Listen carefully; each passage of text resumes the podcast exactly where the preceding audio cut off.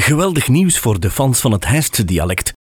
Eddie Keulemans heeft binnenkort een gloednieuw tweede boek uit, De Twoddelspoze.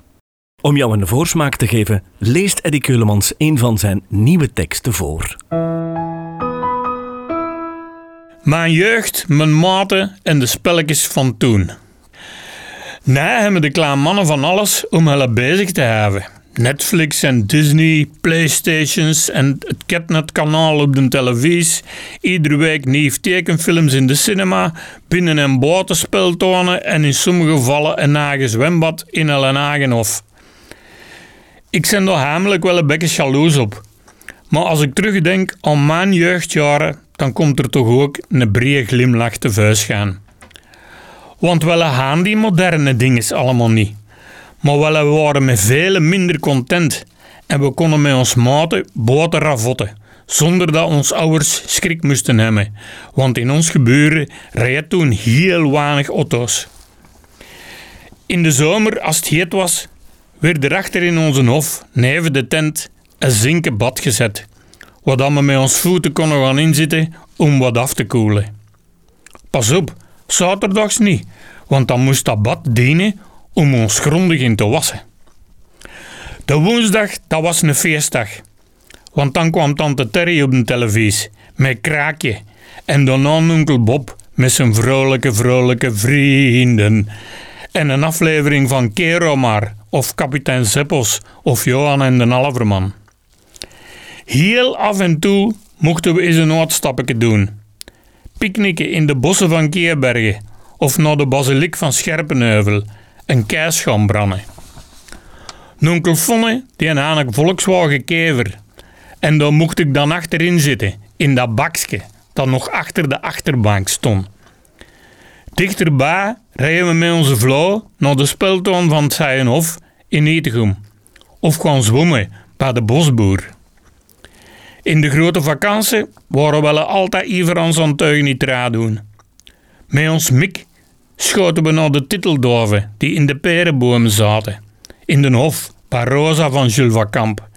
En we gingen visjes en salamanders vangen in de beek neven de roet, onder de Hoge Brug of de Azerenbrug, of in de diepe beek achter in de Boektestraat. Dat mocht wel niet, zo vlak neven de roet, want soms kwam de chef van de Stase onze wegjagen als hij ons zag zitten onder de Azeren brug. Maar wel trokken ons er niks van aan. En daarbij, gevaarlijk was dat niet, want in die tijd konden de traan horen afkomen van als hem in Balder was of in beganen daak. Wel, we waren heel sportief, want per dag zaten we toen minstens een urken of twee op onze vlauw en op de shotplan nog vele meer. Met shotplan bedoel ik dan elke bemt waar dat geen hoos op stond en die iets of wat lag. Ik had chance, want vlak in mijn gebeuren in de toenmalige gemeentestraat, na de Paul van Roosbroeklaan, lag zo een shotplankje tussen de hozen van Jeff de Vries senior en Clem Bates. Daar heb ik leren shotten. Want ik had twee goeie maten die een paar jaar ouder waren en die maar veel trucjes aangeleerd hebben. Jeff de Vries junior, die kon alles met zijn linkse voet en de Jean-Paul Bates, die kon alles met zijn rechtse voet. En ik probeerde die mannen achterna te doen.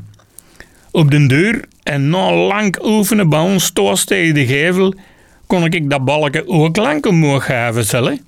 Rechts, links, op mijn knie of met mijn kop. Schieten met een mik, dat was ook een van onze specialiteiten. Ik verschiet er nog altijd van dat dan niet meer gewonde bagenvallen zijn.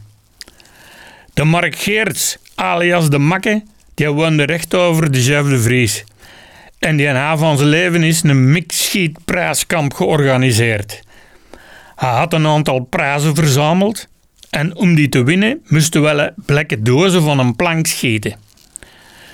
De Makke wist dat dat veel te gemakkelijk was als we schenkjes mochten gebruiken. En daarom was er de week tevoren in een vergadering beslist dat we enkel en alleen met kettelen mochten schieten. De makke ging zorgen voor een voorraad kettelen en welke konden die dan kopen van hem. Vier voor een kwartje en tien voor een halve frank. Maar Wel wisten die kettelenboom ook staan. In de Orsagestraat, vlakbij het Offareme. En wel arriveerde op de schietstand met ons tessen vol. Dat bedrog was natuurlijk een idee van de Polloderaat, alias Poleke Sis. We kochten ieder voor een halve frank van de makken en we schoten en we bleven schieten, totdat al de makkes en blekke dozen van de plank lagen. Op den deur viel ze een frank en toen heeft hem zeker drie dagen van colère niet komen meespelen. Twee roze verbaden makken woonde de Patrick Geens, alias de Likkie. En die is later wereldberoemd geworden in Hest, want hij het wereldrecord om het langst concert spelen in de academie. Met die Charles hebben we ook van alles meegemokt zullen, daar heb gedacht van. Bij ons achter in de hof stond een zwier. En wel verzonnen natuurlijk van alle spelletjes. Heel hoog zwieren bijvoorbeeld, en dan zo waard mogelijk uit de zwier springen.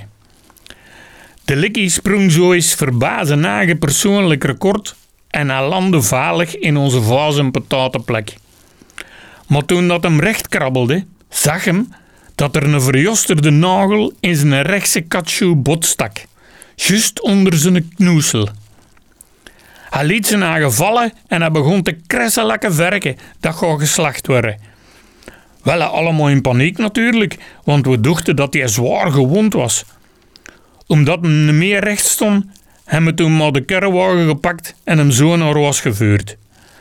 Daar heeft zijn moeder dan die katsjoe bot uitgetrokken en de likkie stopte met kressen toen dat bleek dat die nagel enkel in zijn bot stak en niet in zijn voet. En zo was er iedere dag wel iets. En voordat we het wisten, was de grote vakantie voorbij en mochten we terug naar school. Ja, ja, mochten en niet moesten, want ik ging doodgeren naar school. Deze podcast kwam tot stand dankzij Huisdresselaars en Tropical. Volg de podcast op Facebook. Reageren kan je via de website ditishijst.be slash ikke en de of ikkeendesikke.be.